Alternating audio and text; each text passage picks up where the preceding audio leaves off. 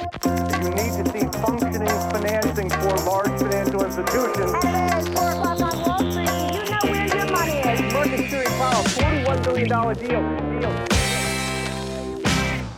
Då är det dags för investerarens podcast nummer 68 i ordningen. Vi har ju hunnit med fem stycken bonusepisoder sen avsnitt 67.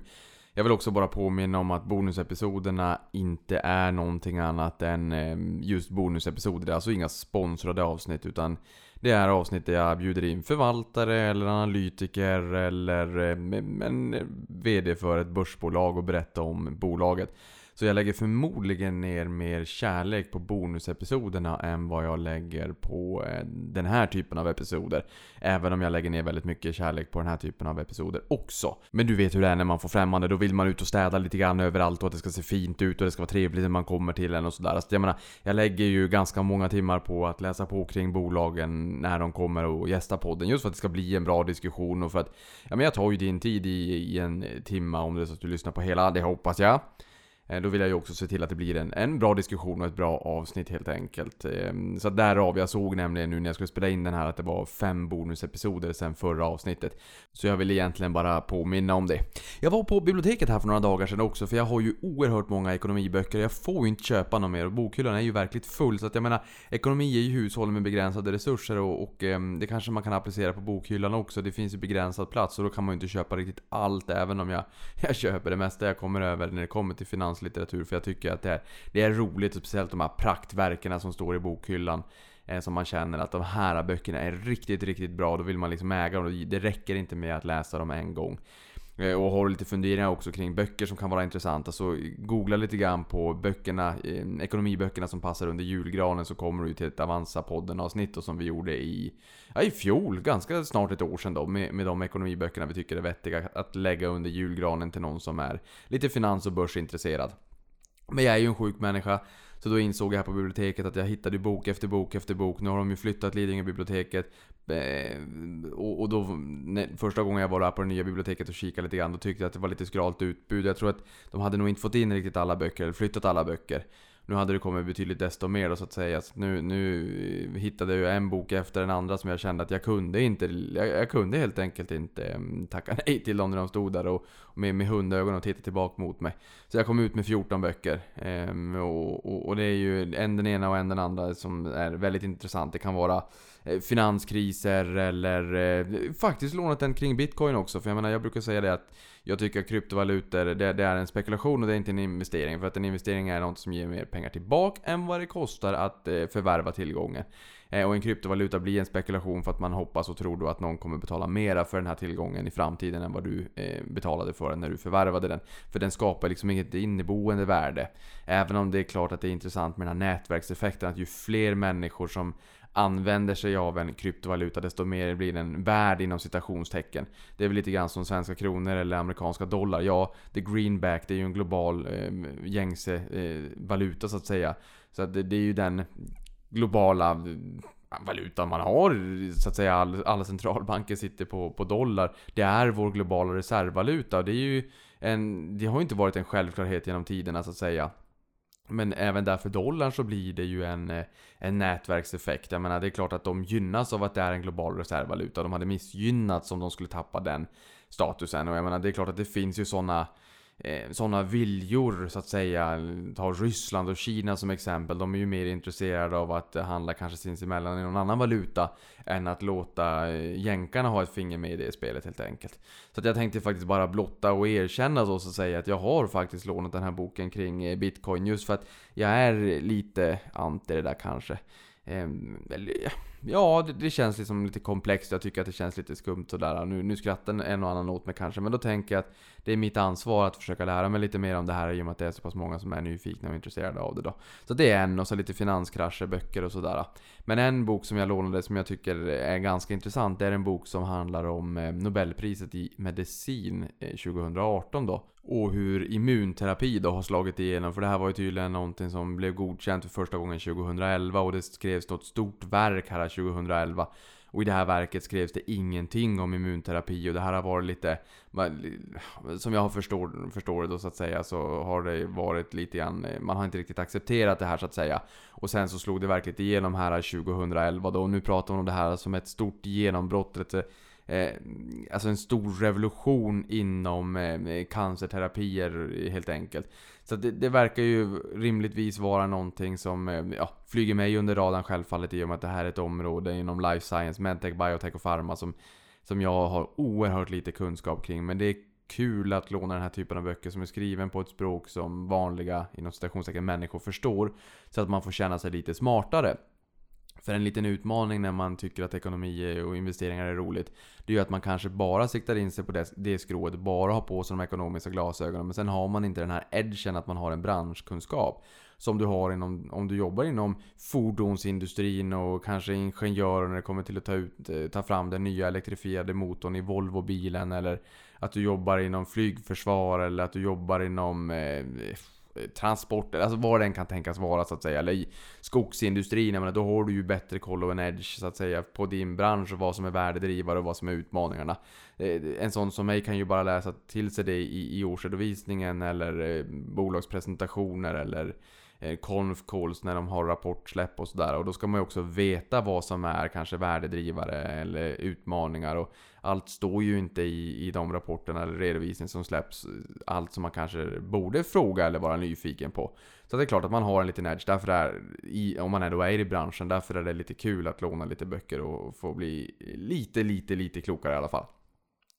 Det var en jättelång utsvävning. Det jag egentligen ville säga det var att i en av de här böckerna och det är en bok som heter, ehm, nu ska vi se, den heter Penningmarknaden. Som handlar om, om svensk penningmarknad och hur den har utvecklats då från 80-talet och fram till idag. Jag menar vi har ju, eh, tittar man på kapitalmarknaden så att säga som någon form av organisationsschema så har vi ju kapitalmarknaden och sen är ju den indelad i kreditmarknad och aktiemarknad. Och den här kreditmarknaden är ju sen indelad i penningmarknad och obligationsmarknad för korta ränteplaceringar upp till ett års löptid och eh, obligationsmarknaden då för löptider klassiskt sett över ett års tid. Och sen så har vi ytterligare en underkategori då av både aktiemarknaden och kreditmarknad. Eh, penningmarknad, obligationsmarknad. Och det är ju alla derivatmarknader då. Eh, och alla derivat som kan kopplas an till ja, men aktier och eh, räntor då helt enkelt. Jag menar, och det är klart, jag menar, har du lagt några tusentals timmar på det här så det är klart du kan ju en del i alla fall. Så allting är ju absolut inte nytt i den här boken, men, men det är ju fortfarande så att jag menar, hur avancerad du än är så är ju livet som en schweizerost. Den är full av hål och fylla med kunskap då. Eh, och jag har ju egentligen förmodligen bara skrapat på ytan när det kommer till kunskap om eh, kreditmarknaden i allmänhet och penningmarknaden då i synnerhet. Så att den, den är också väldigt rolig och intressant att läsa, men man plockar alltid upp någonting. Eh, men en term då som jag plockade upp då också, det är ett citat från eh, Benjamin Franklin som är ehm, frontad på 100 dollars sedlarna i USA. Och han har ett väldigt härligt citat på tal om eh, ränta på ränta-effekten när han sa att Money makes money and the money money makes makes money. Och då inser man att Money makes money. Ja, pengar skapar pengar därför att du, du får en avkastning på denna pengar. And the money money makes, alltså de pengarna som pengarna då sen har skapat, makes money, skapar ännu mera pengar. Det vill säga ränta på ränta-effekten. Så money makes money and the money money makes makes money. Och eh, du inser där att den där ramsan är ganska rolig så att eh, du kan... Eh, säg den till nära och kära så kommer de också börja rabbla den där. Så vart det hemma hos mig i alla fall, det var lite roligt. Hörrni, förra veckan så var det eh, en riktigt bra vecka. Börsen steg 3,72% och det var årets tredje bästa vecka. Och det var väl skönt det. Därför att veckan dessförinnan så var det faktiskt så att den var årets tredje sämsta med en nedgång på minus 3,2%. Och fram till idag, alltså till mitten av oktober när det här avsnittet spelas in, så har månaden bjudit på en uppgång på 1,79%. Och det är ganska trevligt. För tittar vi på snittet sedan, 20, nej, sedan 1990 så är den på 1,54% oaktat då 2019 oktober. Eh, och det har varit en, en ganska hygglig börsmånad i ett historiskt perspektiv och har fått lite oförtjänt kritik som skräcktober eller vad man skulle kunna säga. Mm, och man menar på att det är väldigt många jobbiga händelser som har skett under oktober och det brukar vara en riktigt skakig och obehaglig månad. Och så kanske det är, jag menar man kommer ihåg eh, den stora nedgången på, på eh, Wall Street i, i oktober 1987 också. Det är väl den kanske som är inpräntat i minnet på många, antingen de som var med under den tiden eller de som bara hört och fått det berättat i, i efterhand. Men eh, lite grann som vi sa i The Monthly Backtraders här eh, förra avsnittet då, så en anledning kanske till varför det är lite mer stökigt i oktober, det är ju för att det är, eh, det, det är en månad där eh, Q3-rapporterna kommer. Alltså, eh, det, är en rapportmånad helt enkelt och då blir ju volatil, volatiliteten lite högre. Alltså de månaderna, fyra månaderna, ja det blir väl åtta månader i och för sig, under året som eh, rapporterna kommer. Och varför det blir så många månader? Det är för att du har ju ett spann från när du eh, senast ska ha, ha eh, skickat ut kvartalsrapporten då helt enkelt. Och det är några månaders eh, spann där, eh, tidsintervall för när du kan släppa den. Vissa bolag är ju tidiga och andra är ju lite senare då, så att säga. Så det är en rapportmånad och vi börjar närma oss slutet på året. I, i början på året, Q1 kan man vara lite optimistiska. Q2 kan man känna, uff, ja hörni det vart inte riktigt som vi förväntade oss men vi kanske inte behöver kommunicera det i marknaden och vi har ju ändå ett helt halvår på oss att rätta, rätta upp det här så att säga. Q3 det börjar bli lite jobbigt om det är så att det, inte, mm, att det inte vänder. Och då kanske man också måste ut och vinstvarna lite grann och känna, hörni guidance för hela året oavsett om det är försäljning eller vinst eller marginaler eller vad än man har tänkt, eh, kan tänkas ha guidat för. Då är väl kanske i Q3 man ska ner och sänka förväntningarna lite grann. Eh, sen kommer Q4 och sen så har man eh, lite enklare jämförelsetal eh, nästa år då helt enkelt. Så det är väl nu, har man varit lite optimistisk under året så börjar det vara, det börjar vara dags att sänka förväntningarna inför eh, 2020 helt enkelt. Men med det sagt, det är alltså en bra börsmånad och eh, aktier är ju en vintersport. Och historiskt sett så har september varit den sämsta månaden och sen har vi haft fem positiva månader i snitt. Och det betyder ju inte att vi har eh, positiva månader varje år, men i snitt. Oktober, november, december, januari, februari. Så det är... Eh, ska vi följa snittet så kommer vi att ha ett gäng härliga månader framför oss. Men det, det, Eh, ingen regel utan eh, undantag. Vi hade ju en ganska tråkig Q4 i fjol. Men det har hänt lite intressanta takes eh, sen sist också när vi träffades eller lyssnades vid helt enkelt i det digitala forumet och en av de här händelserna var en eh, fondlunch med eh, Fidelity. Ehm, och där hade vi, eller hade de lite kollegor från Asien som berättade lite grann om eh, hur marknaden ser ut just nu och vad som liksom har fastnat på deras radar lite grann. Ehm, och där kan vi väl säga att eh, de kinesiska bolagen väntar lite grann med capex just nu, alltså med, med investeringarna då. Kapitalinvesteringar, för att man är lite osäker på vad Trump ska göra och, och vad han kommer att twittra härnäst och sådär. Jag menar, i och för sig när jag var i, Asien i fjol, då var vi på ett av eh, Asiens största eh, handlardeskar också. Och, då ställde jag ju frågan självfallet då. Hur viktigt är det med, med Trump och Trumps twittrande och, och Trumps eh, Twitterkonto att följa det så att säga. Jag menar de skrattade ju bara och eh, vad skulle jag förvänta mig? Jag visste vilket svar jag skulle få, men det är klart oavsett om man vill eller inte så måste man ju följa Trumps konto för att eh, det är kursdrivande. Eh, Och jag menar, de tre senaste korrektionerna globalt sedan januari 2018 har ju varit på grund av tariffer och jag menar, de har vi ju fått ganska eh, heads-on på eh, Trumps Twitterkonto då helt enkelt. Eh, så det, är väl en intressant take att kineserna faktiskt har dragit ner på sin, eh, sin capex. Och jag menar, det är klart när vi får in sämre konjunkturstatistik också och sämre konfidensindikatorer. Ja, vi, som jag har sagt tidigare, vi är inte mer än människor. Om det är så att vi tror att det kommer att försämras och att handelskonflikten kommer att eskalera. Ja, men då sitter vi ju hellre på händerna och väntar in vad grannen gör. Det är fullt logiskt, det är mänskligt. Men nu har vi ju sett att eh, vi har fått, eh, ja men kommit lite närmare en, en mikroskopisk dellösning i alla fall. Vi hade ju här i fredags så eh, kom, kom, mottogs vi då av information om att man hade tagit ett, ett steg närmare varandra, både USA och Kina då, och ett partiellt avtal. Sen under måndagen den här veckan, då var vi lite osäkra på vad man faktiskt hade kommit överens om.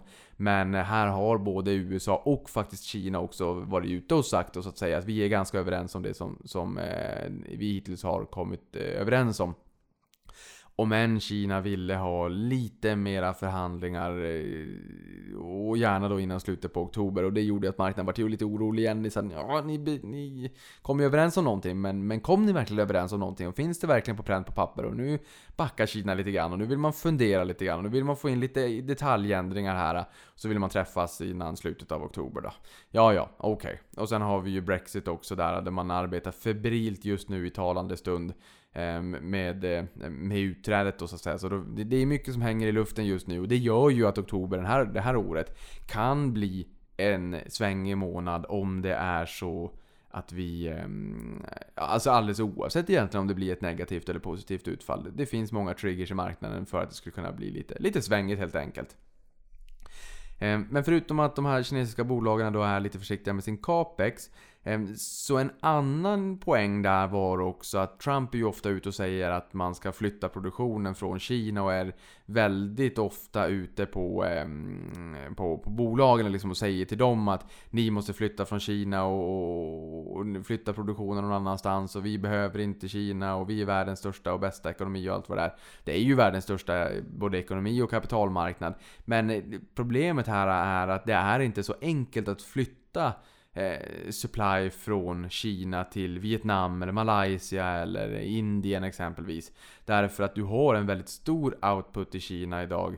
Eh, och du har inte riktigt den eh, plattformen, alltså du har inte riktigt den den möjligheten till, till supply i den mängden som, som vi behöver. Och det är klart att jag menar, man ska inte underskatta kinesisk know-how heller. De har liksom varit eh, världens fabrik under ganska lång tid. Och det här är ju ingenting de vill fortsätta vara så att säga. Men man ska inte heller, heller underskatta att de har gjort det här ett bra tag och har rätt bra know-how. Jag menar, det är som om det kommer en ny bilmodell. Man brukar ibland eh, säga liksom med gud förbannat, jag fick ett måndagsexemplar. Titta här och det här är lite snett och det här funkar inte. Och här trillade det av någonting i, i, i i cockpit höll jag på att säga, det heter det ju inte, men i kupén då så att säga. Ehm, och då svär man och liksom tycker att det där var ett måndagsexemplar och så. Men det är samma sak när det kommer till produktion. Kina har gjort det här länge, de har sitt know-how. Ehm, och att då flytta det till ehm, Vietnam eller Malaysia, ja det är klart man kan göra det. Men de måste ju ha möjlighet att faktiskt ta hand om den efterfrågan som också finns i marknaden. Och den finns inte idag. Det var en takeaway. Den finns inte idag. Du kan inte flytta över den supply som behövs eh, för att mätta det, den, den, den, demand som finns, eller den efterfrågan. Och det här är ju grundläggande ekonomisk teori. Vi har utbud och vi har efterfrågan. Vad händer om det är så att utbudet faller drastiskt? Ja men det är klart att då stiger ju priserna helt enkelt. Om utbudet skulle öka väldigt drastiskt, ja men det är klart att då faller ju priserna. Men allt annat lika så menar de att den som tar de här kostnaderna blir den globala konsumenten. Om det är så att man tvingar bolagen att faktiskt flytta sin produktion från Kina där det är billig produktion, där som har blivit skalbar också, där man har stordriftsfördelar.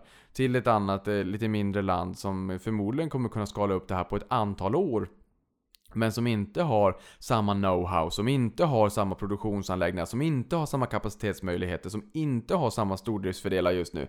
Ja men det är ju självfallet så att det kommer att eh, fördyra produktionskostnaderna om det kommer att slås ut eh, mot eh, kund. Eh, jämfört med de priserna vi är vana vid. För vi är ju inte vana med de tarifierade priserna så att säga. Vi är ju inte van med att den där t-shirten eller kepsen eller eh, vad en eh, sneakers eller vad det kan tänkas vara. Vi är ju inte vana av att de tariffbeläggs så att priserna ökar av den anledningen. Det har vi inte liksom hunnit vänja oss vid ännu. Eh, och vi hade ju en tariff som skulle träda i kraft här i tisdags och den har ju inte trätt i kraft. Och sen har vi en annan tariff då i 15 december. Då får vi ju se och hoppas på att man, man når en, liksom en, en, en någorlunda lösning. Eller en ytterligare steg på den här partiella lösningen då innan dess så att säga. För annars kan det ju finnas risk för en, en fortsatt eskalering av handelskonflikten då. Men som sagt, eh, det, det, det utbudet eh, är inte riktigt som jag förstår det möjligt att få upp på banan snabbt genom att bara flytta till andra länder helt enkelt. Så det där är ju en, en utmaning och det är ju inte kanske riktigt alltid den, eh, den vinkeln man läser i media, kan jag tycka i alla fall.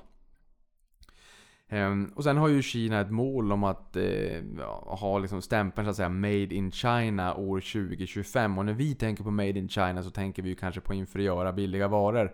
Eh, men det börjar ju skifta och det går ju rätt fort nu. Och man säger faktiskt kategoriskt nej till eh, low-end manufacturing, alltså mm, billig produktion av billigt krimskram. Så man vill ha en mera högteknologisk produktion i landet och en mera högteknologisk know-how.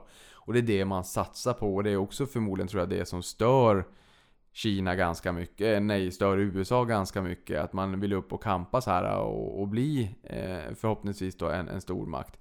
Jag tror att Eh, om jag inte är helt ute och cyklar, USAs BNP står för ungefär en fjärdedel av global BNP och Kina står för eh, 15% någonting. Eh, så att eh, Japan står för 5, så att USA är 5 gånger större än Japan man mätt i, mätt i ekonomi. Eh, alltså BNP då. Så det är klart att där vill ju USA bibehålla sin dominans och sitt avstånd från Kina. Som uttalat vill bli en, en eh, stormakt och, och, en spelare att räkna med. Eh, om de inte redan är det såklart. Eh, och det här med low-end manufacturing det är någonting som gynnar Indien och som dessutom då understöds av en positiv demografisk situation. Ehm, där man har en ganska ung befolkning. Jag menar i Japan vet vi, där finns det, det är 70 000 100-åringar. Det säljs fler vuxenblöjor än, än barnblöjor. Ehm, I Kina så har vi 1,4 miljarder människor, 1 miljard i arbetsför ålder och det förväntas falla ner till 800 miljoner till 2030. Ehm, så att jag menar, även där har man ju en utmaning. Men här har ju Indien eh, just den här positiva demografiska situationen i alla fall. Det, det saknas ju inte utmaningar där heller, men så är det ju alltid. Men där menar de på Fidelity att där är, skulle definitivt Indien kunna vara en, en vinnare på det här och helt enkelt. Någonting annat som var intressant är att globala investerare underviktade Asien fortsatt.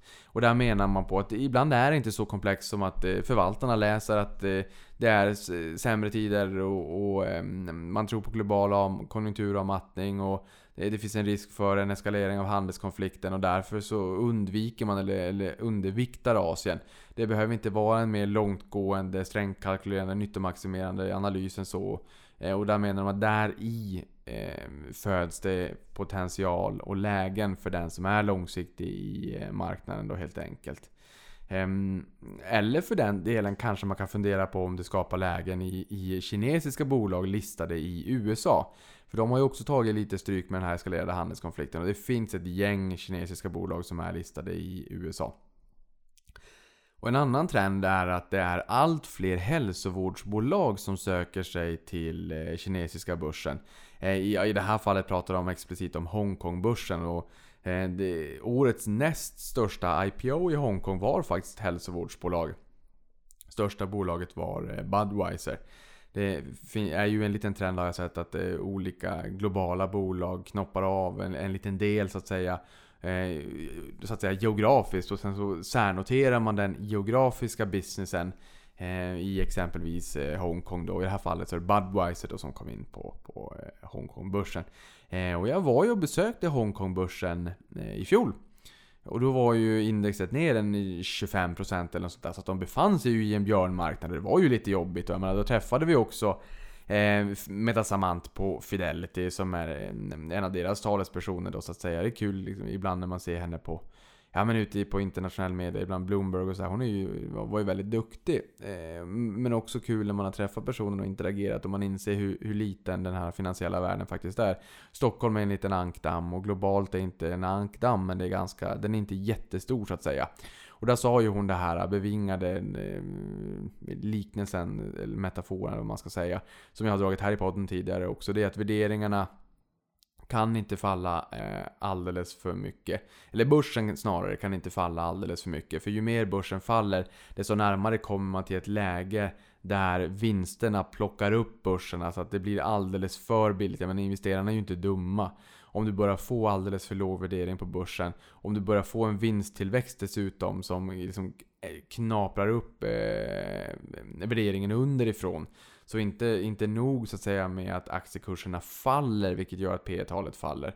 Utan att när vinsterna sakteligen börjar eh, få fotfäste och sakteligen stiga igen. Ja men det gör ju också att P talet faller. Så då både fallande kurser och stigande vinster, de två tillsammans gör ju att eh, det finns en form av krockkudde på undersidan när, när det här plockar upp börsen eh, helt enkelt. Och det hon jämförde med, det var ju om ett litet barn gör sig illa så att säga, då kroppen självläker ju om man får sig ett litet skärsår och sådär. Och det menar hon, det sker ju faktiskt på börsen också. Det gjorde ju det. Det var, vart ju ett, ett ordentligt uppställ i, i Asien. Eh, faktiskt november när vi var där. Därefter så vart det ett ordentligt uppställ. Eh, men sen så fick vi ju den här eh, åtstramande cykeln hos Fed som ställde till det lite grann för, för Asien. Plus att vi då fick en eskalering av handelskonflikten. Men Ehm, i slutet på förra året så var väl amerikansk 10-åring på 3,30. Nu är den väl på hälften. Så att ehm, nu har vi inte samma hot från amerikanska centralbanker. Men det där, blir dollarn dyrare så blir det ju jobbigt för tillväxtmarknader som har ofta väldigt stora lån, och som lånat upp mycket pengar i dollar. Vi pratade ju om det alldeles nyss, det greenback och att det är en global reservvaluta. Och ofta lånar man upp i, i utländsk valuta, men då lånar man ju upp i dollar. Och är det så att eh, det blir sämre tider och den inhemska börsen faller och den inhemska valutan kanske försvagas. Eh, och sen så har man lån i, i, eh, i dollar. Eh, Fast man betalar det med sin egen valuta och växlar till dollar och sin egen valuta försvagas. Det blir, liksom, det blir ingen rolig situation helt enkelt. Men det om det. Jag tror jag har lite mer i och för sig. Ja, men det var ju just det här med, eh, med hälsovårdsbolagen, att de söker sig mycket till börsen. Och när vi var och besökte Hongkongbörsen i fjol då, då sa de ju att eh, de inte hade sett någon effekt på inflödet, alltså IPO-pipen, pipeline. Eh, den hade inte påverkats riktigt alls. Eh, ja, riktigt alls, det, la jag till. De sa att det hade inte påverkat alls. Ehm, det är stöket. Det hade det definitivt gjort i Sverige. Det behöver inte skaka till mycket för att fönstret på vårkanten eller höstkanten ska stängas. Eh, och att man känner så här, "Uff, nu skakar till lite grann i marknaden. Jag tror nog att vi väntar lite grann innan vi släpper loss den här lilla jollen om det är ett småbolag eller det här stora regalskeppet Vasa om det är liksom en supertanker som är EQT. Då väntar man lite grann om det är så att det skakar till och är lite, lite nerverna utanpå, lite mycket volatilitet i marknaden. Det såg man inte alls där, men däremot nu såg man att man var lite mer försiktig i Hongkong. Men det beror alltså inte på, eh, på den globala börsen och på handelskonflikten, utan det beror mer på de eskalerande eh, spänningarna som är i Hongkong och de demonstrationerna som vi har haft under väldigt lång tid nu. Det har påverkat. Men sen frågade jag också de här om det är så att ehm, de här ehm, demonstrationerna alltjämt fortsätter. Kommer det vara en negativ påverkan, påverkansfaktor på börsen? Och då ville de ändå påminna om att, ja men titta här på att det faktiskt är hälsovårdsbolagen som i, i mångt och mycket eh, söker sig till börsen nu. Och de påverkas ju inte riktigt av de faktorerna. Eh, sen Hongkong, jag menar, eh, jag tror nog att det var ganska dyrt att bo där eh, när vi var där. Eh, jag tror att det är ganska dyrt överlag, får väl rätta om jag har fel. Men då lyssnade jag på en, en Motley Fool-podd med Investing in Asia som har startat bara för några månader sedan, eller i somras. Och de sa att i, i Hongkong så hade de åkt på, det var ganska jobbigt, det var, låg runt 30% beläggningsgrad och man var ner på 7 dollar natten på vissa hotell. Osäker på om jag sagt det i podden tidigare, då ber jag om ursäkt att jag upprepar mig men men då inser man ju liksom att eh, turismen är ju en stor intäktskälla för Hongkong och i och med de här demonstrationerna så har det, ja, men det har varit väldigt jobbigt där borta helt enkelt.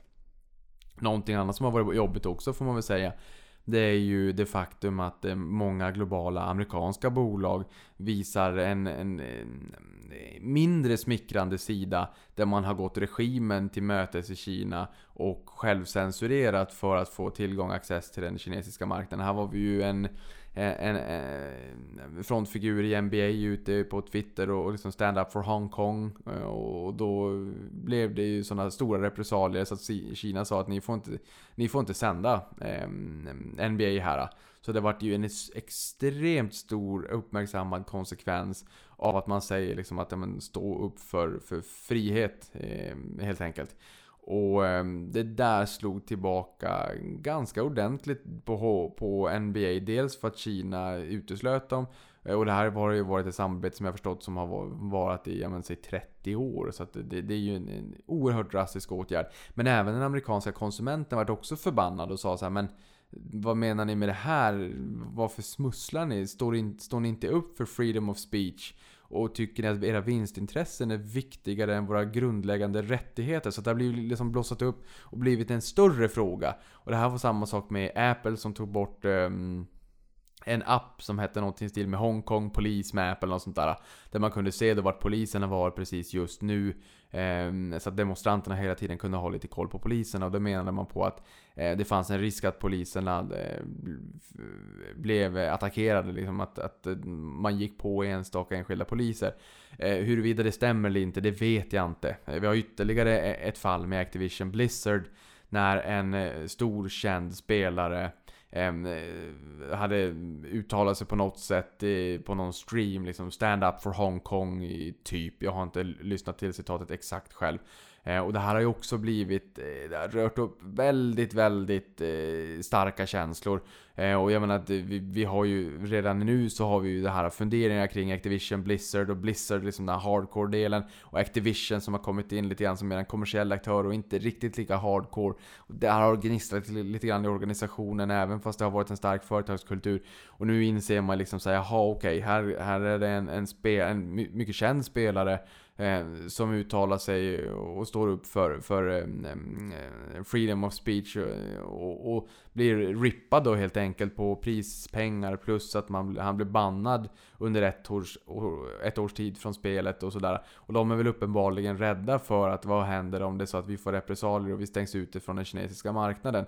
Men det här menar ju den amerikanska konsumenten då att är ni så pass fega att ni inte vågar stå upp liksom för de här kärnvärdena, grundvärdena helt enkelt. Eh, så att eh, här blir man liksom, här blir eh, man squeezad från båda håll. Jag tror att det här kommer att fortsätta. Och det här kommer att vara en ytterst känslig fråga för väldigt många fler bolag, inte minst med tanke på sociala medier. Och att sånt här inte kan flyga under radarn. Det märks, det syns direkt. Ehm, vi har förmodligen bara sett början av det här. Vi kommer förmodligen se ännu fler fall där bolagen liksom lever lite dubbelliv och där de blir ifrågasatta av, ehm, av sina kunder, konsumenter helt enkelt. Sen har vi också en, ehm, en eh, jag såg en liten en topplista över de mest starka varumärkena i Kina. Och just nu är det Alipay som ägs av eh, Alibaba. Ehm, och tittar man för något år sedan så var den här listan ganska proppfull av eh, västerländska varumärken. Men nu ser det inte riktigt ut så. Och den trenden där, det är att de kinesiska varumärkena har blivit allt starkare på bekostnad får man väl säga av väst då. Eh, tittar vi på det absolut starkaste varumärket, som sagt Alipay. Eh, tittar vi på de västerländska varumärkena så kommer Microsoft på plats 5 och eh, Intel på plats 7. Och sen har vi Tmall då som, eh, mm, som förvisso inte är västerländskt men det är ett stort känt varumärke. Det är bland annat H&M säljer ju lite, grann, lite kläder på, på Tmall. Den ligger på plats 10 då. Jag menar, tittar vi bara för några år sedan så var det väldigt många bolag som låg på topp 10. Ikea bland annat. Ikea är inte ens på topp 10 längre. Och det får man ju tycka är ett ganska starkt varumärke. Nog om eh, Fidelity och eh, Asien. Någonting annat som har skett sen, sen sist vi eh, hördes vid i det här formatet, det är ju kortagekriget som har brutit ut i USA och har blivit en snackis även i Sverige. Det började väl med Interactive Corps i USA. Eh, och sen så tog man väl vid både från Charles Schwab då som vart den stora mm, bomben eh, Sen har vi tidigare Meritrade och Fidelity och ett eh, flertal olika aktörer då som har gått ut i marknaden och sagt ja men då kastar vi kortaget i soptunnan. Och i Sverige så är man ju självfallet inte sen på den här bollen från media att säga att kolla här, kolla i USA, föregångslandet, vad händer där? De slänger courtage i soptunnan, courtagekriget kommer definitivt till Sverige. Titta på Avanza som har 43% av intäkterna från courtage eh, i fjol. Ungefär samma nivå för fem år sedan. Så att, menar, det är en stor del av intäktsmixen som kommer från courtageintäkter. Och det är ju drivet av eh, reaktivt eh, flöde. Alltså att, att du handlar, du måste liksom reaktivt gå in och handla någonting. Istället för fonder där det liksom tickar en, en förvaltningsavgift löpande hela tiden. Det är ju mer liksom en, en repetitiv passiv intäkt även om den påverkas av flöden in eller ut ur fonder. Plus huruvida börsen stiger eller sjunker. Men eh, det media tappar lite grann här, det är ju hur den modellen ser ut i USA. Och där blev jag faktiskt väldigt besviken över att svensk media inte klarar av att på ett objektivt välinformerat sätt förklara eh, skillnaden mellan USA och Sverige. Inte ens de tidningarna som kostar en 300-400 kronor i månaden och som man förväntar sig ska ha lite kött på benen. Liksom där, även där har man gått åt lite skvallerblask i hållet och det eh, tycker jag är väldigt tråkigt. Och det tvingar en att ha eh, prenumerationer på de internationella eh, tidningarna istället. För att få en korrekt saklig information och få känna sig smart som läsare. Um, och det har, den trenden har vi väl sett en tid kan jag tycka. Um, men det är tråkigt när det är så helt enkelt. Och i det här fallet, det jag menar att man inte riktigt såg, det var att Eh, gratis courtage betyder inte gratis aktiehandel. För tittar man på de här aktörerna i USA, jag menar, USA är världens eh, största ekonomi och världens största kapitalmarknad. Man har inte kommit dit på grund av välgörenhet. Man är väldigt kapitalistiskt drivna. Svenska modellen är definitivt inte en kapitalistisk modell om man jämför med amerikanerna. Eh, de gör ingenting gratis. Eh, och så som jag har förklarat det här eh, för att man ska förstå liksom att det inte är gratis då. Ja, de har sloppat kortaget, du betalar inget kortage när du handlar en aktie. Men de säljer orderflöden. Och man skulle kunna jämföra det som att eh, om jag är kund på Avanza och sen vill köpa en aktie. Eh, och sen så kanske du som lyssnar på det här vill sälja en aktie. Jag måste ju ändå på något sätt vara biased för jag gillar ju att köpa aktier så du får ta rollen som, som säljare av aktien då. Eh, och sen kan du köpa tillbaka den. Eh, då eh, gör man så att man skickar inte den här ordern till börsen. Jag menar vi är ju börsmedlem så tittar du på avslutstickaren när du lägger en köporder på en aktie. Då kommer det stå AVA. Och jag menar, får du ett avslut, då kanske det står, eh, om du köper 100 aktier, då kanske det står eh, 100 aktier, köpare, AVA 100 aktier, säljare, NON 100 aktier. Det vill säga att någon på Nordnet och sålde 100 aktier. Fine, vi är börsmedlem, vi skickar orden eh, direkt ut till, till, eh, till börsen, eh, direkt ut i marknaden så att säga. Men det gör man inte i det här fallet. Utan man säljer de här orderflödena, så det man gör är att man buntar ihop Ehm, alla de här ordrarna och sen så skickar man det till en tredjepart istället som lägger sig som en liten ehm, en eh, sån här plastfilm, vad heter det, så här, glapack, eh, plastfolie eller vad man kallar det för. En liten hinna mellan Avanza och börsen. Så att vi skulle teoretiskt sett kunna skicka de här ordrarna till Nordnet. Och vi skulle inte säga att vi gör det, för det hade ju varit lite jobbigt. För att vi, på pappret är vi ju konkurrenter, men det hade ju gällt även om det hade varit vice versa så att säga. Men då säger vi så här: okej, okay, vi buntar ihop alla de här orden, vi skickar dem till tredje parten Nordnet, de får exekvera det här. Eh, och de får ju volymer också när väldigt många olika aktörer skickar orderflöden till dem. Så att då får ju de billigare pris på börsen också. Vilket är bra för att då sänker de sin kostnad. Så att jag menar, det är ju bättre det för alla börsmedlemmar. Istället för att alla börsmedlemmar är små börsmedlemmar och får ett högre pris från Nasdaq då, som driver börsen. Så är det en stor aktör som har liksom lite mer muskler och bargaining power som kan säga att nej, vi vill få ner priserna. Så det är väl i och för sig Teoretiskt sett så hade det varit bra. Avanza är störst på börsen mätt i avslut och vi är störst på börsen mätt i volym i retailflöden. SEB är lite större ibland för att de har flyttat hem en del av affärerna för institutionellt kapital, eh, pensionsstiftelser etc. Eh, som, eh, som går i, som i Sverige här istället för eh, dark pools utomlands. Men nåväl, i retailflödena är vi redan störst. Men säg då att vi har, jag vill köpa, du vill sälja. Aktien eh, står i senast betalt 100 kronor. Jag är beredd att betala eh, 100 och du vill sälja för 101. Ja, då har vi skickat den här orden eh, och då säger ju den här tredje parten då Märk väl, vi har inte skickat det till börsen utan vi skickar till tredje part. Vi skickar liksom till, istället för rakt fram till börsen ut på marknaden så skickar vi det åt sidan så att säga. Då säger ju de att jaha, Niklas vill köpa för 100 och du som lyssnar för det här vill sälja för 101. Hmm. Niklas får köpa för 101. Och du som ville sälja, du säljer ju självfallet till 100. Kvar på bordet ligger en krona. Den kronan delar ju tredjeparten på och eh, Avanza då. Och då kan man ju fundera på, hmm, vem är det som är kunden? Vem är det som man tänker på? Glöm inte bort att Avanzas vision är en bättre framtid för miljoner människor och att man ska få mer över till sig själv än hos någon annan bank och att vi vill bygga den banken där vi själva vill vara kunder. Och vi vill göra saker och ting billigare, bättre och enklare. Åtminstone det ska vara två av dem. Billigare och bättre eller bättre och enklare eller vad det är. Två av dem. Två av tre ska vara uppfyllda. Och då kan man fundera kring, jaha, okej. Okay. Då skickar man orderflöden så att det blir någon form av eh, liksom in i dimman skimmer. Den går ju inte direkt ut i marknaden. Jag vet ju inte vad jag får för kurs. Och det man säger där till högfrekvenshandlarna. Hej, här kommer det flöden. Avanza har snart en miljon småsparare. Hej, här får ni jättemycket kunder. Ni ser hur hela småspararsentimentet agerar. Och sen kan ni agera lite snabbare än dem för att skinna dem på lite pengar. Så det du gör, det är ju att du betalar spreaden. Du betalar alltså den skillnaden mellan köp och säljkurs. Är det så att, eh, aktie, att kursen står, liksom köpsidan står i 100 och säljsidan står i 101, ja men då har du en spread på 1%. Men jag menar, ta Berkshire Hathaway A exempelvis på 300 000 dollar. Det är inga konstigheter att den spreaden skulle kunna vara 1000 dollar. Absolut, det är inga konstigheter. Det är ganska dyrt. Eh, och det är inga konstigheter på lite mindre bolag att spreaden är några procent. Hade jag någonsin velat skickat en order någonstans in i någon svart låda med något liksom lite fluffigt skimmer utan att ha en aning om vad jag får för kurs? Aldrig i livet. Så att det här måste man inse att de säljer orderflödena till en tredje part och då kan man ju fundera på, okej, okay, om man inte tjänar ett courtage från kunden utan man får intäkter från en tredjepartsaktör istället. Vem är då egentligen kunden? Vem är kunden på pappret? Och vem är kunden i verkligheten, i praktiken?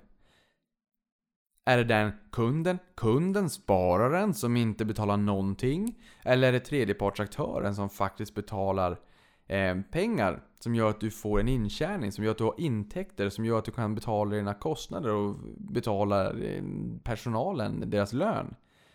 Det blir en ganska konstig jävsituation. Så att nej, att sälja orderflöden och se till att det är kunden som betalar spreaden och se till att högfrekvenshandeln kan exploatera kunderna. Det är inte småspararvänligt för fem öre. Och någonting annat som man gör, det är också att förutom att sälja de här orderflödena, och det är ytterligare en liten poäng som man inte riktigt plockade upp i svensk media, och varför har jag faktiskt ingen aning.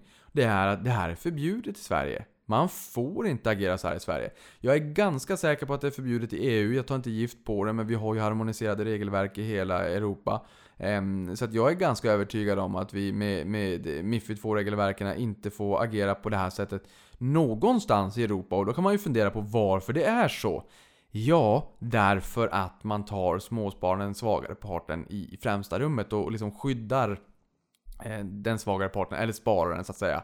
Eh, det här är inte ett schysst agerande och därför beter vi oss inte så. Och det man ytterligare gör i USA, inte alla aktörer men de flesta, det är att om det är så att du har en, en kredit eller bara en kreditlimit som är outnyttjad, då ser man också till att låna ut dina aktier så att andra personer kan blanka den här aktien. Och det är inte så att du får en del av den intäkten utan som jag har förstått så tar de hela den kakan själv.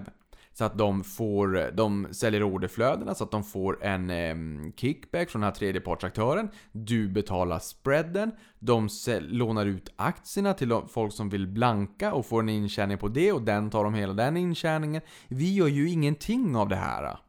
Eh, och kommer definitivt inte göra någonting av det här. Sen är det klart man kan fundera kring, kommer vi någon gång kunna låna ut aktier som gör att du får en, en passiv intjäning? Ja, absolut. Det är klart att vi skulle kunna tänkas göra det.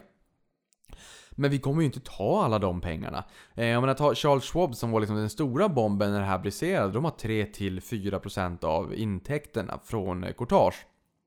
40% eh, är räntebaserat. Nu är det lite jobbigt för dem när Fed var nere och eh, var ute och sänkte räntan såklart. Men de har 3,4-3,5 triljoner dollar i AUM eller Assets Under Management eller tillgångar under förvaltning säg ehm, eh, 35 000 miljarder svenska kronor. Eh, och det är klart att de har en kostnadsbas på 15 punkter per sparkrona.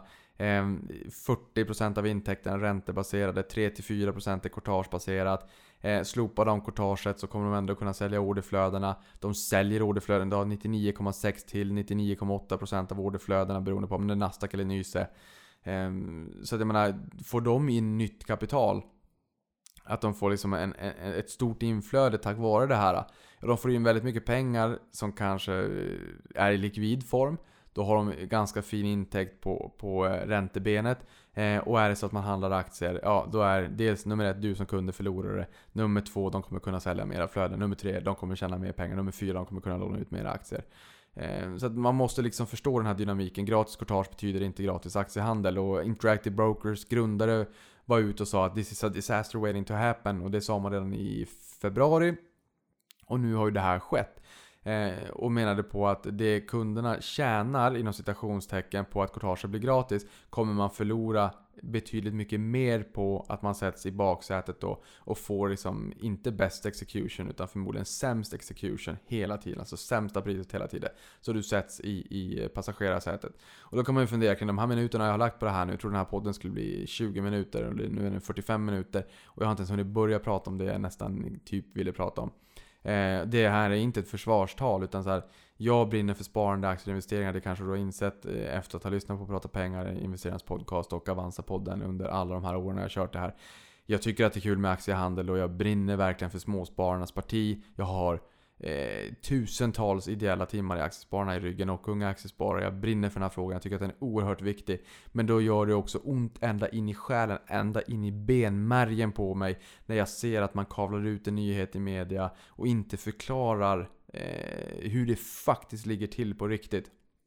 Jag menar, när man säger att USA är ett föregångsland. Ja, Avanza i Sverige var första aktören att faktiskt sänka courtaget till noll med courtageklass start om man har max 50 000 på kontot. Och det är på riktigt gratis. Det är liksom inget, det, det är inget hymmel, det är inget hyckleri, det är inga liksom konstigheter, det är noll. Sen förstår inte alla vad Stockholmsbörsen är. Det är large, mid och small cap. Eh, det är inte Nordic Growth Market, det är inte First North, det är inte First North Premier. Det är inte Spotlight Stock Market eller gamla aktietorget. Men det är fortfarande gratis. Och ingenting av de här konstiga sakerna som man har för sig i USA eh, har vi för oss i eh, Sverige. Och jag tycker inte att vi ska göra det heller. För tittar vi på eh, för 10 år sedan. Då var det 26% av flödena i marknaden i amerikanska börsen som inte gick ut direkt i marknaden utan som gick eh, till tredjepartsaktörer och payment order flow. Att man, liksom, man, man säljer flöden och får en intjäning på så sätt istället. Då är det jätteenkelt att sätta prislapp noll. Um, nu ligger den på en 36-37% och då börjar man ju kunna fundera kring så här, Kommer det här att hota um, existensen av börsen som samhällsinstitution och som, så här, som en central funktion i samhällsekonomin om det är så att vi börjar trycka flöden utanför börsen på det här sättet? Så det är inte helt oproblematiskt och kom detta ihåg att vi är världens mest aktietokiga folk. Finnarna är nummer två. Var femte person i Sverige äger aktier. Sen betyder det inte att alla de är jätteintresserade för det och handlar aktier löpande hela tiden. Men vi är aktietokiga och ibland jag kan tycka att vi blir lite bortskämda också. Jag menar, vi blir lite förbannade om det är så att vi inte får vara med på en IPO i Sverige för, för att den varit övertecknad fem eller tio gånger kanske. Och sen så poppar den jättemycket för att det, det, det, blev ett jätte, jättesug på den och sen så är det ju inte roligt om man får full tilldelning för då kanske inte intresset har varit jättestort och då kanske aktien eh, blir, får ett svalt mottagande på börsen. Men jag menar i USA, du kan glömma att få vara med på en börsintroduktion om du inte är en ultra high net worth individual, om du inte har liksom väldigt, väldigt, väldigt, väldigt, väldigt, väldigt mycket pengar. Jag var på Goldman Sachs och, och, och besökte dem på en investerarresa som jag anordnade 2015 med unga, unga aktiesparare. Och där pratade de just om de här Ultra High Net Worth Individuals och pratade också om vilken fantastisk räntabilitet på eget kapital som eh, Goldman har. Eh, det är bara det att svenska banker låg eh, unisont över den nivån som Goldman låg på. Men det är så, här, så där eh, tycker vi att det är en mänsklig rättighet att få med på börsintroduktionen. Jag tycker att vi fortsatt ska premiera småsparare. Titta på EQT. Eh, tre fjärdedelar av hela ägarbasen som kom in i EQT kom från Avanza. Eh, vi hade alla med, mm, som tecknade Akelius eh, D, D-aktien. Samtliga avansianer fick tilldelning som ville ha tilldelning. Så att vi har ju ryckt upp oss ordentligt och storsatsar på våran korpavdelning just nu. Men där eh, tycker jag att det är roligt att man faktiskt kommer till oss och liksom tycker att det är viktigt att premiera småsparare och liksom småspararkulturen och gräsrotsrörelsen där ute. Johanna på jobbet tycker att det är jättedumt, eller så här, hon gillar inte alls den här termen småsparare. Jag tycker att det är lite gulligt. Jag är en småsparare liksom så här, det, det är inte så the little people som man sa, med, som, som Karl-Henrik Svanberg sa, utan så här, ja, småsparare kontra det liksom professionella, institutionella, storkapitalet. Det kanske mera känslolösa kapitalet, vad vet jag. Um, men det är inte en självklarhet där. Det är mer av en självklarhet i Sverige. Här, här är vi liksom mera... Våran finansmarknad är ganska inkluderande. Och här tycker vi att liksom, ja, men alla priser ska gå ner mot noll. Ja men här blir det i sådana fall noll på riktigt. Och vi kan ju inte ta in den intjäningen någon annanstans. Vi har liksom Sveriges eh, första gratisfond i Avanza Zero. Världens billigaste globalfond. Sveriges billigaste eh, tillväxtmarknadsfond. Vi har värdepapperskredit med 0% ränta upp till 50 000. Eh, så vi, vi har gratis aktiehandel eh, upp till 50 000 på Stockholmsbörsen. Så att mycket av det vi kommer med är riktigt, riktigt, riktigt, riktigt, riktigt vassa prispunkter. Så ser det inte ut i globalt. Så att min, enda rage här, det är så att vi, Tyvärr så kan man liksom inte läsa media rakt av längre för det blir liksom för mycket Eh, för mycket sensationsrubriker. Eh, typ som eh, den jag har sagt förut här att rasrisk i H&M och så går man in och läser ja det är rasrisk för att de växer utdelningen. Man, man, liksom, det man säger det är att läsaren är dum i huvudet.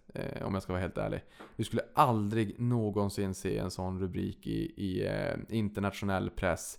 Eh, så som Wall Street Journal eller The Barons eller um, Financial Times eller The Guardian. Skulle aldrig hända. Eh, så. jag är lite... Jag är, jag är inte arg, men jag, men jag tycker liksom skärper. Nu har jag ju i alla fall fått prata av mig i frågan så att nu kan vi ju liksom gå vidare och vända blad tycker jag. Ja, och även, eh, även bokstavligen faktiskt i podden. Kanske dags att gå vidare här också. Ehm, eh, ja, en, en liten intressant där, det är ju mobilspel. Det är ju många gamers liksom, när, man, när jag ställer frågor på Twitter och sådär och så frågar jag ska, men, ska vi inte satsa lite grann på mobilspel? Då är det inte lite intressant? Och så, Aldrig i livet! Är du helt från vettet? Fattar du inte vilken, vilken försämrad användarupplevelse det blir om man gör ett mobilspel och sådär? Men jag tänker att så här, man, Jag vet inte. Alltså jag, jag har respekt för och jag förstår liksom att hardcore gamers, de vill ha sina konsolspel, de vill ha sina dataspel. Det är svårt att göra ett spel som är liksom med samma kvalitet i mobilen. Mobil är det snabbast växande plattformen. Nu kanske det börjar komma lite mer crossplay att du kan spela på alla plattformar. Men jag menar, du har eh, PC och konsol som är lite mer mättat eh, även fast det växer. Men det mobil växer väldigt, väldigt snabbt i, på, eh, på relativ bekostnad av de andra två. Och då är det ju intressant att se vilka spel kan man då göra på mobilen. Och i det här fallet så har ju då Call of Duty Mobile kommit och jag tycker att det var fenomenalt roligt. Eh, 100 miljoner i laddningar första veckan, 170 miljoner eh, i omsättning eh, första veckan. Det här är liksom det, det, det är den största mobilsuccén någonsin. Och då mm, var det ju folk som sa att ja men Pokémon Go, där gick det mycket fortare med Niantic här för, vad var det, för, förra sommaren. Men de hade bara 10 miljoner nedladdningar första veckan. Så att jag menar, de har en miljard nedladdningar eh, i, fram till idag. Så att den är ju liksom by far mycket, mycket större. Men eh, första veckan så är det faktiskt ingen som har knäckt eh, Call of Duty Mobile. Eh, och sen förstod jag att de inte släppte eh, Worldwide första veckan utan att man var tvungen att liksom, ja, mecka så att säga för att kunna ladda ner det där eh, spelet och eh, Pokémon Go första veckan.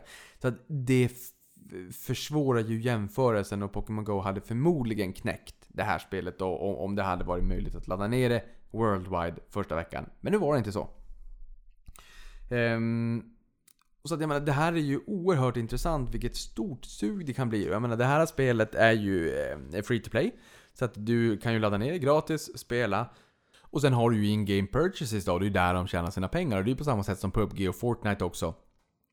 Och PubG och Fortnite de hade 22,5, eh, ena hade 22,5 och andra hade 28 miljoner redan i första veckan då på, på eh, deras mobilvarianter. Så att man sätter saker och ting i perspektiv. Och vi sa ju i förra avsnittet av The Monthly Backtraders också att lyxmärken som LVMH så kan du få lite Louis Vuitton-grejer etc. Liksom när du köper såna här skins eh, i spelen. Så att liksom, lyxvarumärkena börjar leta sig in i spelvärlden och... Um, det kanske inte är så konstigt. Det låter ganska kul och lite sådär... ja men lite knepigt när man, när man tänker på det på så vis. Men... Eh, datorspel är ju större än film och musikindustrin globalt tillsammans. Så det är en absurt stor industri det här. Eh, så det är väl inte konstigt att mera traditionella ehm, eh, aktörer letar sig in i den här världen och funderar och ställer sig frågan liksom, finns det en del? Har vi en plats i den här digitala världen? Ehm, är den för oss? Kan vi kapitalisera på den? Och alldeles uppenbart så finns det ett sug på lyxkonsumtion även i den digitala spelvärlden. Sen eh, om några veckor är det dags för investerarresa återigen. och då går lasset till Silicon Valley. I fjol var det ju Sydkorea och Hongkong. Lite mera makroekonomiskt blev det väl. Eh, för förra året så var det ju Silicon Valley och då var vi på Electronic Arts. Eh, Tesla hade vi en, en, en rundtur, en ganska lång rundtur i, i fabriken i Fremont, Kalifornien. Ehm, och sen så var vi på Proterra, eh, Equinix och ehm, Franklin Templeton också. Eh, och i det här fallet, i år så, så, är jag inte helt säker på vilka vi kommer besöka. Men det blir nog några svenska spelare tror jag. Bland annat Ericsson och Skanska. Skanska hade ju 37% av topline från eh, USA. Då deriverades från USA när Trump blev president 2016. Och där pratade man ju mycket om att nu kommer infrastruktursatsningarna. Men där ska vi on-site och träffa Skanska på plats så att det ska bli väldigt kul. Sen tror jag att det kan bli så att vi också besöker Intel och där har det ju varit väldigt jobbigt för globala chiptillverkare, liksom semiconductors, under, under handelskonflikten. Och det här med eh, eh sällsynta jordartsmetaller, det är ju någonting som också slår på eh, den här typen av leverantörer, eh, tillverkare. Ehm, men Intel är, liksom, Intel är väldigt, väldigt, väldigt stora. Intel är, sist jag kollade var de 10 gånger större än AMD. Eh, sen har man ju också Nvidia med grafikprocessorer och sen så har du ju Apple då, som tillverkar sina egna dito. Men eh, kommer det bli mer eller mindre halvledare i framtiden? Det kommer förmodligen explodera. Eh, det är ju fullt logiskt. Med 5G och allting, när allting ska vara uppkopplat. Det är ungefär som att fråga dig liksom så här, Kan du nöja dig med den TV-apparaten du har idag? Kan du nöja dig med den paddan och datorn du har idag? Eh, kan du liksom avsäga dig all typer av eh, teknologisk utveckling och nya high-tech gadgets i framtiden. Eh, och att ingenting, inte din mikro, inte din ugn, inte ditt kylskåp, inte ditt smarta hem, ingenting får bli smartare. Eh, din bil får inga fler sensorer. Så att, eh, nej, eh, det kommer att explodera. Sen är ju frågan vem som är vinnaren på det hela. Men där ska det bli oerhört intressant att lyssna kring vad Intel har att, har att säga. Han har ju varit lite ute i blåsväder också. Eh, VDn där som nu inte är kvar, han gjorde ju lite halvtaffliga eh, affärer också där han eh, sålde lite aktier innan, eh, innan bäska besked. Jag tror att det var för två år sedan nu i och för sig. Tiden går ganska fort eh, när man har kul. Men jag vet inte om jag kommer podda därifrån. Däremot så kommer jag ju definitivt eh, när jag, så fort jag får chansen att podda igen, eh, dela med mig av alla reflektioner som jag har från, eh, från USA då. Sen blir det New York med lite makrodragning sådär också. Eh, och lite grann vad de har på, eh, på, på tapeten helt enkelt. Så att jag kommer självfallet dela med mig av allting som jag tycker är intressant. kommer jag dela med mig av. Jag tror att vi kommer in på lite eh, VC-kapital också. Lite, lite spännande bolag kanske som är Kanske kan tänkas komma till börsen om några år. Eh, det finns ju en utmaning i att i fjol då 80% av bolagen som kom in på börsen inte gick med vinst utan det var liksom tillväxt, tillväxt, tillväxt. Och vi lever ju i en annan ekonomi där bolagen förut kunde vara liksom några årtionden gamla när de kom in till börsen och nu är det liksom bara att in så fort som möjligt, skala så fort som möjligt, det är tillväxt, tillväxt, tillväxt. Ni måste bli etta, ni måste bli marknadsdominerande. Om inte ni går in på börsen nu kommer någon annan göra det och ni kommer inte få kapital och ni är borta. Eh, som, världen går väldigt fort nu, den är oerhört digital. Eh, ja, det, är bara att titta på Call of Duty med 100 miljoner nedladdningar på en vecka. Eh, det förklarar liksom, det visar allt av min poäng att det, ja, det, det, världen är mer global idag. Helt enkelt. Nästa vecka så är det uppesittarkväll och då kommer vi faktiskt inte att sända den från eh, Stockholm. Utan vi kommer att sända den från Göteborg och då kommer det också vara en galleria i Kungälv som kommer att eh, livesända eh, uppesittarkväll. Men det är inte därifrån vi sänder utan vi sänder från en TV-studio som EFN har där nere. Jag är lite osäker på exakt var den är. Eh, men sen kommer vi också ha en after work, fast en after work är en before work, eller åtminstone before uppesittarkväll. Därför att uppesittarkväll den här månaden blir ju när då?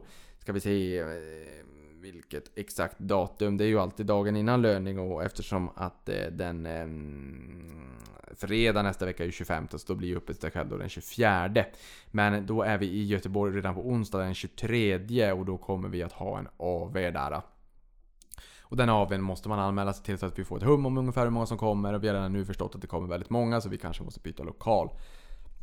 Så var noggrann bara med att du anmäler och du hittar den på, ja, men jag, jag nålar upp den på min Twitter på investeraren.com eh, Nej, twitter.com slash investeraren eller facebook.com eh, slash investeraren podcast. Inget S emellan. Eh, facebook.com slash investeraren podcast.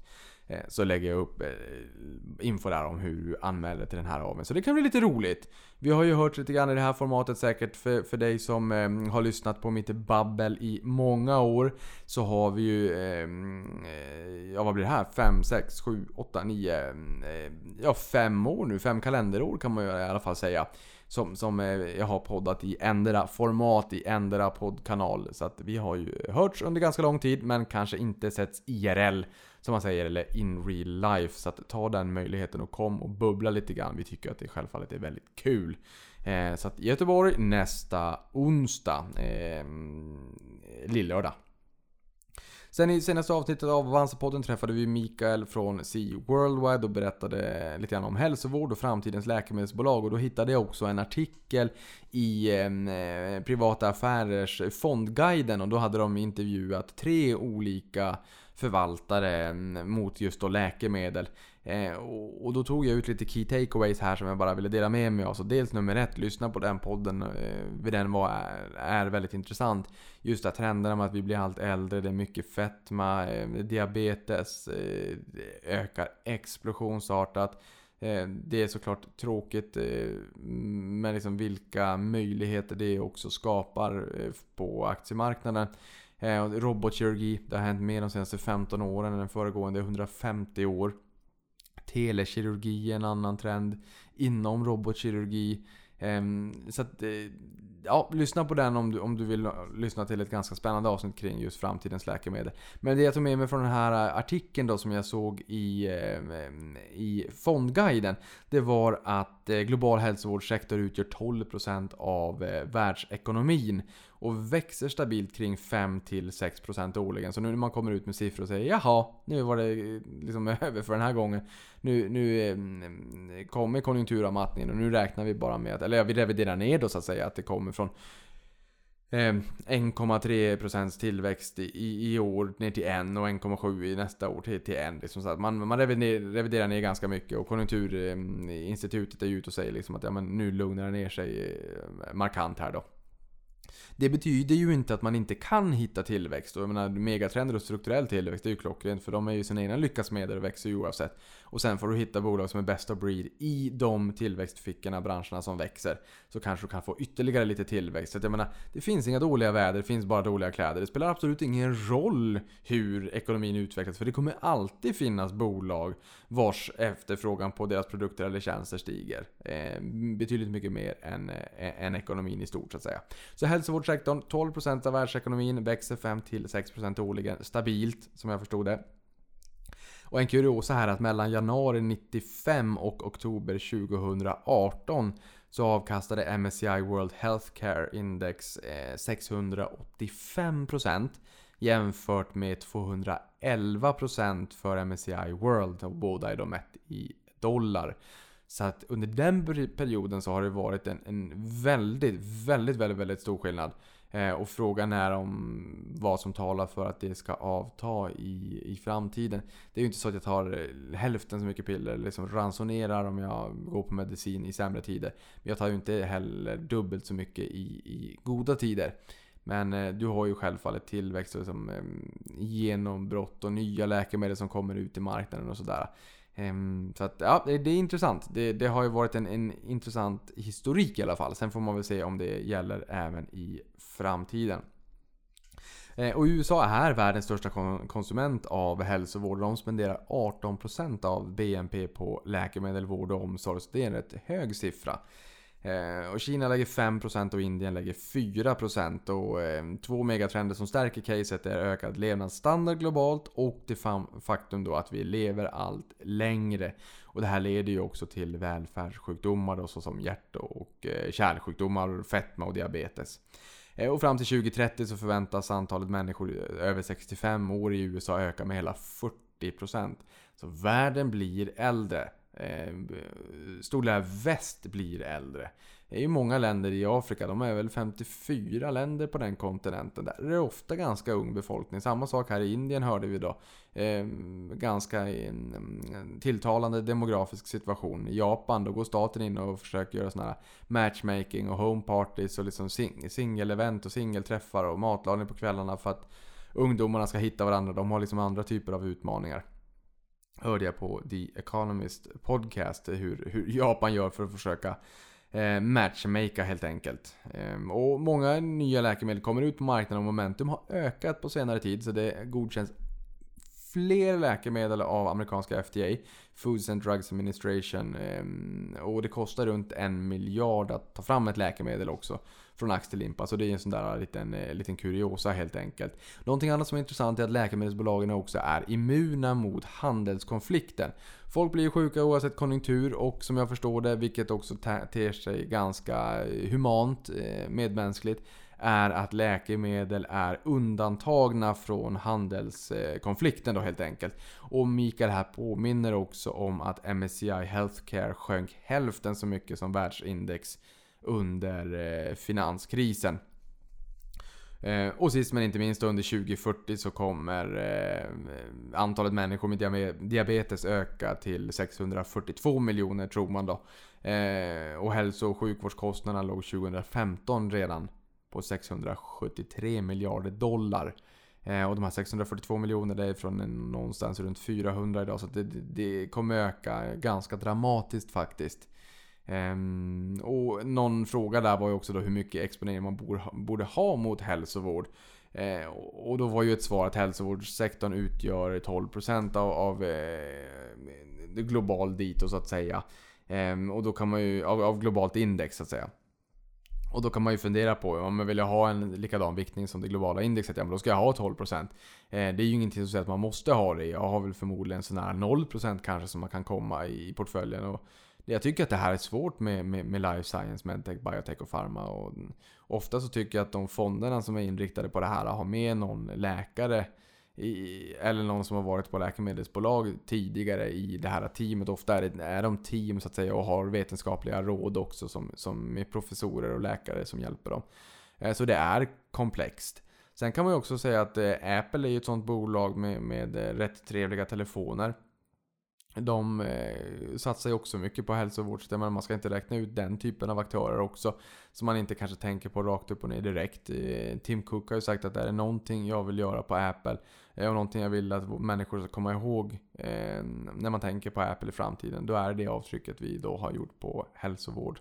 Eh, så att eh, de satsar ju stenhårt på det här. Och eh, Apple-telefonerna är ju godkända, liksom kvalitetsgodkända för att få vara enheter där man skjuter upp eh, information kring exempelvis eh, insulin, blodsockernivåer i kroppen etc. Om det är så att man har en sån där eh, sändare eh, på kroppen istället för att man sticker en spruta väldigt, väldigt ofta och kollar blodsockret så kan man ju ha en, en sändare som sitter på, på armen och som håller i sig lite längre istället och, och skjuter signal till, till, telefonen. Och det hade man inte fått göra om inte telefonen hade blivit eh, kravgodkänd. Och det är väl rätt hårda krav för att bli det. Men det handlar ju ändå om, om eh, liv. Ehm, så att det, det är ju också en, en kvalitetsstämpel. Eh, och visar ju förmodligen på, på Apples ambition också om att eh, det, det, är den vägen man vill gå helt enkelt. Så det finns ju den typen av, av, av play också, även om det inte är ett pure, ett pure play som man brukar säga.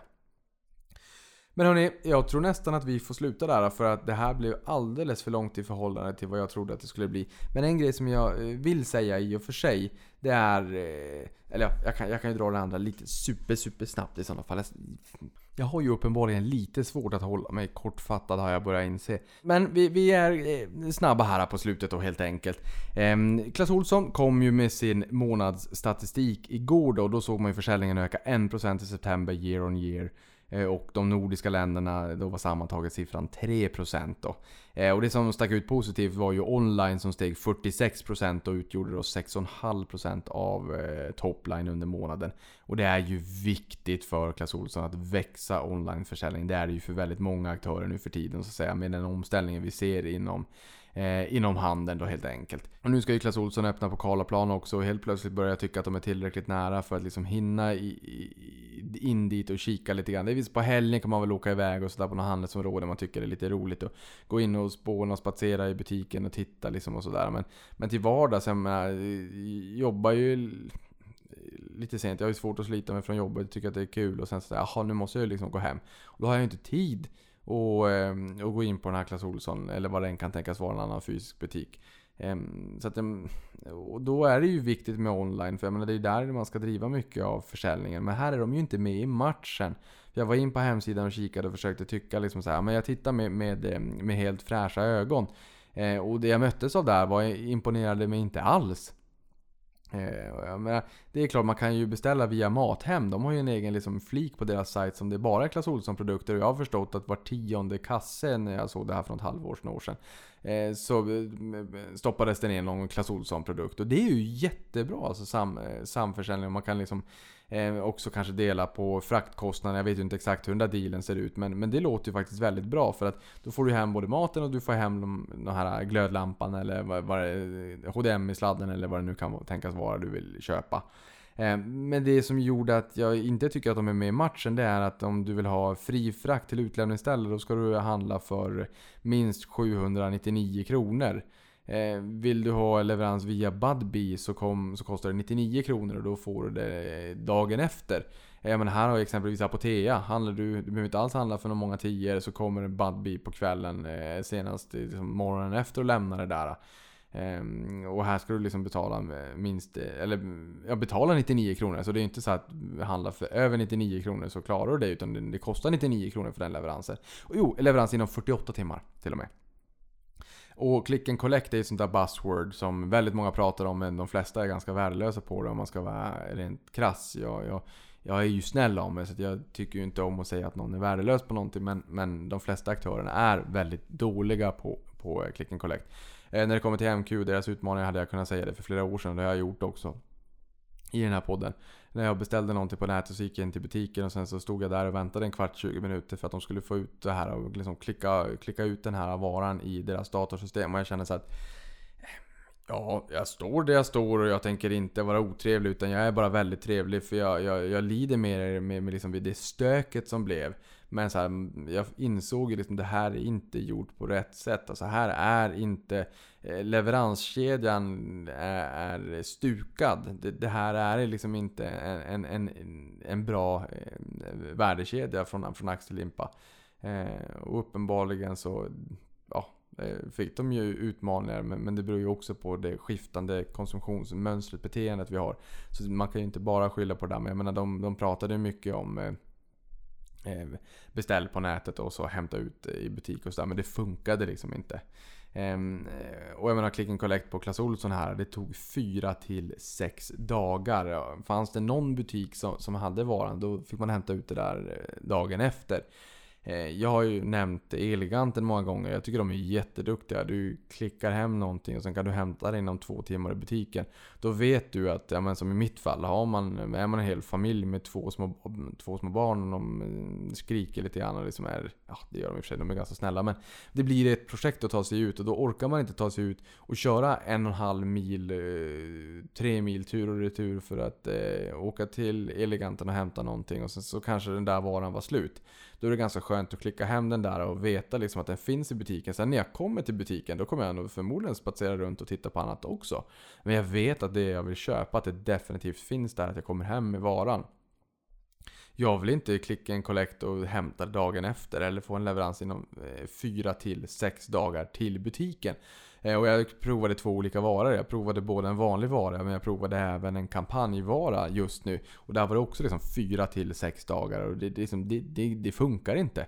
Sen kan man tycka det här med hållbarhet och sådär och att eh, man, man inte bara kan skicka massa varor till höger och vänster och att eh, så. Och, nej, visst jag håller med. Alltså, leveranskedjan måste ju bära sina egna kostnader men på något sätt när man är så stor ändå som, som Clas Olsson faktiskt är, så bör man rimligtvis kunna gnugga sina geniknölar och fundera kring, att det är duktiga människor som jobbar på Clas Olsson, inget snack om saken, de, de vet ju det här. Men att man kan ju fundera lite grann kring så här, hur kan vi göra för att eh, ta fram en leveranskedja, en logistikkedja som bär sina egna kostnader. Men som också appellerar kunden så att det är kunden som bestämmer. Det är på kundens villkor. Vissa vill gå in i butiken fysiskt, vissa har inte den tiden. Vissa vill click and collecta. Jag hade jättegärna beställt ännu mer på Clas Ohlson, ännu oftare. Om det hade funnits villkor, eh, eller eh, leveransalternativ på mina villkor. Så att jag tror att de har de, de har nog jättemycket att, att göra där och det är inte så här oh, jättemycket, ni, ni gör allting fel. Nej, så är det inte. Utan man har nog förmodligen väldigt mycket att göra som gör att man kan få upp konverteringarna och försäljningen och snittkvitto och vad det kan tänkas vara mera. Eh, det är klart att det finns de här också som bara beställer en glödlampa och ja, då kanske inte får vara fri frakt. Men vad tusan, samkör lite glödlampor och lite allt möjligt via Apotea också som redan kör Budbee. Dela på den eh, kostnaden. Eh, vad vet jag, ni har redan börjat med Mathem. Eh, tänk på fler samarbeten. Jag skulle nog definitivt kunna tänka mig att se Clas Ohlson på Amazons plattform om de ger sig in i Sverige. Frågan är bara hur stor del av kakan de måste ge ifrån sig och då kan det ju bli lite jobbigt. Men Clas Ohlson, de har ju med, med Clas Fixare. Det har ju liksom Best Buy i USA med sin Geek Squad. Att man kommer hem och hjälper till med lite olika saker. Ehm, de har sina egna varumärken, alltså sina egna produkter. Där skapar du en vallgrav, för det är inte en Lionel Scott eller Fred Perry eller Ralph Lauren skjorta som är samma produkt men finns på 500 olika webbshoppar och det enda man konkurrerar med är pris. Eh, utan här har man sina egna produkter, sina egna varumärken och då har man en liten vallgrav också. Eh, och jag tror att det, det, det är den eh, rätta vägen att gå, tror jag i alla fall. Men ehm, ja, hörni. Sen har vi Carnegie Small Cap Return Index, C, eh, CSRX, som har stigit 28% year to date och indexet består av 270 aktier och högsta market cap är 59,7 miljarder just nu. Eh, jag tror att det är 130 miljarder eller sånt där som snittbolaget är på MXS30. Eh, så att eh, 60 miljarder är stort. Man kanske inte kan tycka att det är ett småbolag, men det är ett ganska litet bolag i typ jänkarnas ögon. Där är ju Apple är större än hela Stockholmsbörsen. Eh, Likaså Microsoft eller Amazon exempelvis då. Um, Fastighetssektorn utgör cirka 20% av det här indexet och det, de har ju gått väldigt bra då i och med att nu då verkar som att eh, eh Riksbanken då inte förmodligen kommer kunna höja i slutet på året. OMXS30 har gått desto segare och där är det ju eh, en fjärdedel eh, bank då i det här indexet. Så där har man ju tyngts av, av eh, bankerna. Small Cap Index då värderas i nuläget till P17 på 12 månaders framåtblickande vinstestimat enligt Carnegie. Ehm, det är tre enheter högre jämfört med 2018 och då fick vi en ordentlig sättning men det är i linje med medianvärderingen de senaste fem åren. Eh, och de menar på att årets multipelexpansion då är en kombination av högre börskurser och nedjusterade vinstestimat. nu börjar vi ju se vinstestimaterna justeras ner inför 2020. Det börjar vara dags. Vi har även sett en del vinstvarningar som kommit ut lite eh, sållat ganska, ganska tätt. Och jag undrar nog om det inte är så att Q3 eller kanske Q4 att det är de månaderna som kanske är vanligast när det kommer till vinstvarningar under, under året. Om man får fundera kring någon form av, av um, um, säsongsvariation. Sen tar vi eh, jättekort nyhetssvep och nu är vi verkligen, verkligen alldeles för långt över tiden. Jag ber väldigt mycket om ursäkt att det här blev så långt. Eh, jag kan säga att det här också är verkligen på småtimmarna jag sitter och spelar in det här. Klockan bara rusar iväg. Nåväl, Goldman Sachs VD sa i samband med rapporten att lanseringen av Apple Card troligen är den bästa lanseringen av ett kreditkort någonsin. Eh, och på tal om Apple så verkar det också som att deras nyaste telefon går som smör och det är kanske inte så konstigt för jag hörde en siffra att det tas 3,5 miljarder snaps om dagen. Sen har du ju Instagram stories och Facebook stories och allt vad det är och då måste man ju också se bra ut. Ehm, så att eh, jag fattar att man lägger mycket tid, energi och fokus på kameran även fast jag på keynoten tyckte att oh, gå vidare nu inte bara kameran. Ge mig någonting annat, ge mig något eh, superduper augmented reality, virtual reality, blaha blaha. Eh, men, men kameran är fortsatt alltjämt intressant. Sen har idag Sveriges riksdag klubbat igenom, igår då, för det här är ju natten nu mot torsdag, eh, klubbat igenom höjd pensionsålder från 61 till 62. Och dessutom kommer man ha rätt att jobba till 68 istället för 67 och eh, 2026 så tror man att den här lägsta åldern då börjar ta ut den allmänna pensionen blir 64. Och att man kommer ha rätt att jobba till 69. Sen har vi Transcendent Group som, vi, som går till börsen via Avanza och det är First North Premier de handlar på, eller hamnar på. Eh, och den var kraftigt övertecknad och teckningsgraden landade på 175% och totalt fick man 3150 nya aktieägare. Det har jag gjort ett poddavsnitt här för några avsnitt sen om man vill lyssna och lära sig lite mer kring det bolaget får man lyssna till VD Martin Malm. Eh, de håller på med GSE, Governance, Risk och Compliance och håller sina kunder hela och rena. Sen har vi spararna som satsar på Sats. Gymkedjan ska snart börsnoteras på jubilaren Oslo Börs som firar 200 år i år. Eh, och aktien har övertecknats inför IPO och teckningsintervallet är en spread då, eh, om 19% eh, som vissa bolag då envisas med. Indikativt börsvärde runt 4 till 4,5 miljard NOK och handeln inleds 23 till 25 oktober ungefär. Och sist men inte minst, eh, senaste vinstvarningen här. XXL rasar med 22% som mest. Eh, när handelsstoppet eh, slopades och när, när handeln började handlas igen då. Vinstvarning och riktad nyemission om 400 miljoner NOK och en reparationsemission som de kallar det för på 100 miljoner NOK. Eh, gjordes till eh, kurs 15 och den var på nästan kurs 23 nog då innan handelsstoppet där. Eh, så att 31% lägre än handelsstoppet. Det tror jag sved lite grann. Och med de orden så säger vi tack och adjö och eh, avkastning på er så hörs vi snart igen.